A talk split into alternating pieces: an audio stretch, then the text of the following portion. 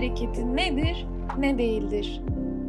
Özellikle geçtiğimiz sene içinde Covid-19'un bizi evlerimize yani sahne hallerimizden uzak doğal habitatımıza hapsetmesiyle daha da ihtiyaç duymaya başladığımız akım. Beden olumlama hareketi. Yani Body Positivity Movement birden fazla başlığı kapsayan her konuda olduğu gibi beden olumlama hareketinde de insanoğlu bir başlığı daha çok benimsedi ve kendince yorumlayıp konuyu bambaşka yerlere çekti. Gelin birlikte beden olumlama hareketi aslında nedir ve belki de daha önemlisi ne değildir ona bakalım. Beden olumlama hareketi fiziksel yeterlilik, boyut, cinsiyet, ırk ya da görünüş fark etmeksizin her bedeni kabullenmektir. Bu hareket ideal vücut fikrine karşı çıkar. Güzellik standartlarına uyan uymayan her vücudun güzel ve değerli olduğunu anlatmaya çalışır. Dünyayı algılamaya başladığımız andan itibaren öncelikle kendi çevremizin, sonrasında ise televizyon ya da günümüzde hakim olan sosyal medya gibi kitlesel iletişim araçlarının etkisiyle şekilleniyoruz. Ergenliğe girişimizle birlikte kim, ne ve nasıl olacağımıza dair endişelerimiz artıyor, dış görünüş bizim için ön plana yerleşiyor ve bu soruların cevabını gördüğümüz örneklerle vermeye çalışıyoruz gözümüzün gördüğü her yerde tek bir vücut tipine maruz kaldıkça olmamız gerekenin yalnızca o tip olduğunu sanıyoruz.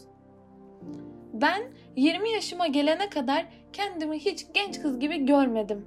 Çünkü benim neslime empoze edilen genç kız figürü zayıftı, pürüzsüz tenliydi, makyaja meraklıydı, hep oje sürerdi, rengarenk elbiseler giyerdi, zarifti, narindi. Filmlerde, dizilerde, televizyonlarda, Instagram'da bundan farklısını çok nadir görürdünüz. Gördükleriniz de komedi figürü olurdu. Asi olarak isimlendirilirdi yani normal değillerdi. Ben, ben hep kiloluydum. Sivilcelerim ve lekelerim vardı. Makyaj yapmayı beceremezdim. Aslında ojeyi severdim ama elbiselerde rahat edemezdim. Bence zarif ve narinden çok kaba ve küfürbazdım. O tanıma daha çok uysam da asi değildim. Dolayısıyla komedi figürü de olamadım. Genç kız olmayı zaten hiç anlayamadım. Öyle arada sıkıştım kaldım. 20 yaşımda karantina hayatımda sosyal medyadan başka odak noktam olmadığında beden olumlama hareketinin bence en güzel projelerinden biriyle tanıştım. İnsanlar güzellik standartlarına uymayan özelliklerini fotoğraflıyor, ideal vücutlular bile standartlara uymayan hallerini paylaşıp poz vermenin ve doğru ışığın ve hatta gün içinde dakikaların bile her şeyi nasıl değiştirdiğini anlatıyor. İdealin aslında sadece koca bir yanılgıdan ibaret olduğunu gösteriyorlar.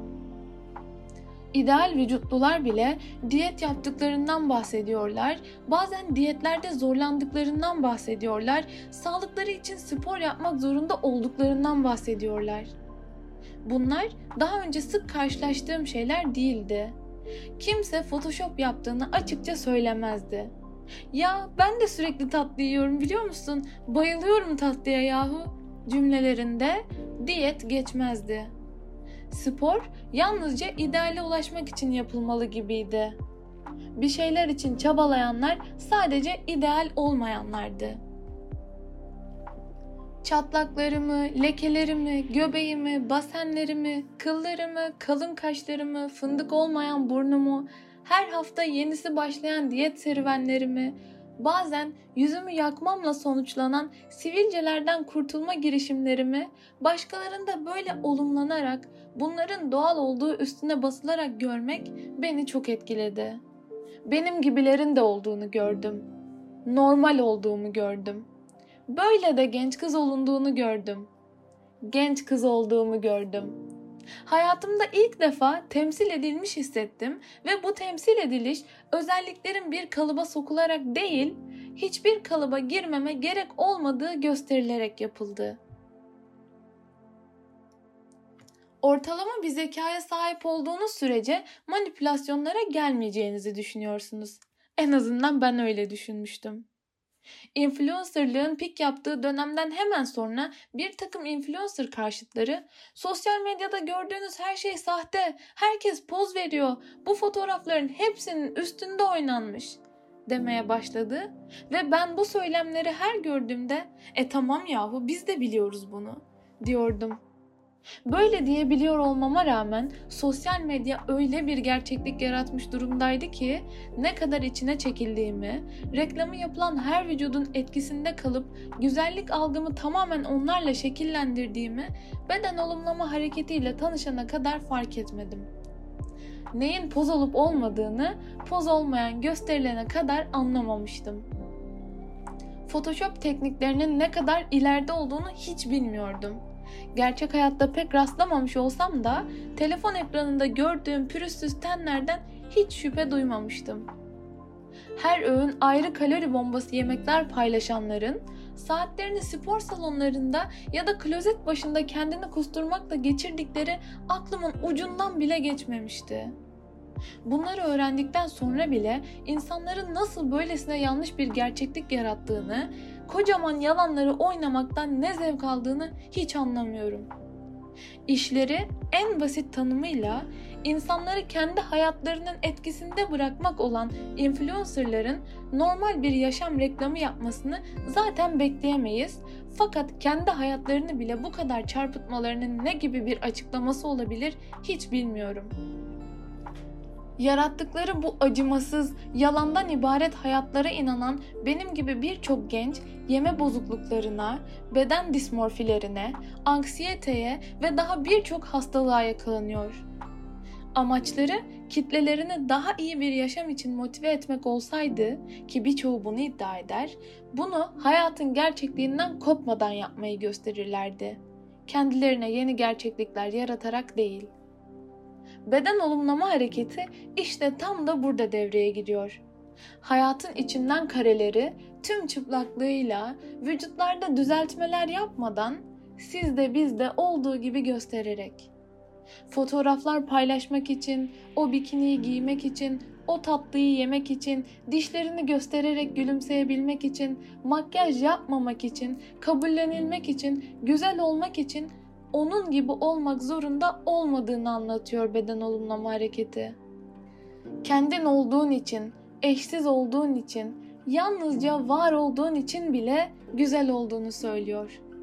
Öylesin, çok güzelsin. En kötü ihtimalle nesindir biliyor musun? Kendi tipin değilsindir. Bu seni çirkin yapmaz. Beğenmediğin herkesin çirkin olduğunu iddia edemezsin değil mi? Sen de çirkin değilsin.'' Kendi standartlarında değilsindir belki ama işte baştan beri anlatıyorum. Standartların acaba gerçekten kendinin mi? Bunu bir düşünmeni isterim. Peki beden olumlama hareketi ne değildir? Başta şişman hakları hareketi olarak şekillenen beden olumlama hareketi, sonraları çatısının altına her türlü vücut tipini ve özelliğini almış olsa da mesela ampute bireyler, cilt hastalıklarına sahip olanlar, trans bireyler, farklı ırklara ait görünüşler, kıllar, yaralar ve benzeri günümüzde hala en çok şişmanlık aktivizmi konuşulmakta ve tepki toplamakta. Beden olumlama hareketi insanların şişman olmalarının onların güzel olmalarına engel olmadığını, her kilolu insanın sağlıksız olmadığını, sağlıksız oldukları kesinse bile sağlıksız olmalarının bir başkasına onların bedeni hakkında yorum yapma hakkı vermediğini savunur. Fakat çok yönlü ve yoruma açık her konu gibi bu hareket de kendi içinde dallandı budaklandı, içlerinden küçük kıymıklar çıktı ve hareketi şişmanlığa özendirmek için kullanmaya, şişmanların kilo vermesinin şişman fobikçe olduğunu söylemeye başlayanlar oldu. Bu yöndeki insanlar azınlık olsa da çokça dikkat çektiler ve beden olumlama hareketi toplumlara oldukça yanlış yansımaya başladı hem ana fikirden sapan bu azınlıktan hem de insanların bizzat tecrübe etmedikleri konularda bile bilir kişi kesilmelerinden dolayı insanlar şişmanlık güzellemesi yapmanın şişmanların çözüm arayışını engelleyeceğine ve kilo vermekten vazgeçeceklerine yol açacağını iddia ediyor. Bu hareketin insanları kilo almaya, obeziteye teşvik ettiğini düşünenler bile var. Durum bundan çok farklı. Beden olumlama hareketinin yukarıda anlattıklarımı kapsayıcı şekilde düşünce tarzımıza kattığı bir diğer fikir de şudur. İnsanın kişisel değeri dış görünüşüyle bağlantılı değildir. İnsan değerli olmak için güzellik standartlarına uymak zorunda değildir.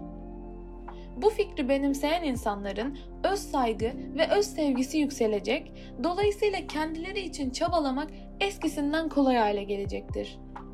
Bu hislerle başa çıkmak zorunda kalmadıysanız, umarım kalmamışsınızdır, bunu algılamak oldukça zor olabilir. Kendimde de, çevremde de beden olumlama hareketi süreci böyle ilerledi ve ek bir araştırma yapmadan yalnızca Instagram'da body positivity etiketi altındaki fotoğraflara bakarsanız bile neredeyse her aktivistin de aynı yollardan geçtiğini görebilirsiniz. Özetle beden olumlama hareketi der ki, her çiçek farklıdır ama farklı olmaları onları çirkin yapmaz. Aksine yalnızca eşsiz oldukları için bile güzellerdir. Kişisel değeriniz güzellik standartlarına uyumunuzla paralel değildir. Doktorunuzun sağlığınıza dair endişelerinden başka bedeninizle alakalı bir başkasının söylediği her şey geçersizdir. Yalnızca var olduğunuz için bile güzelsiniz.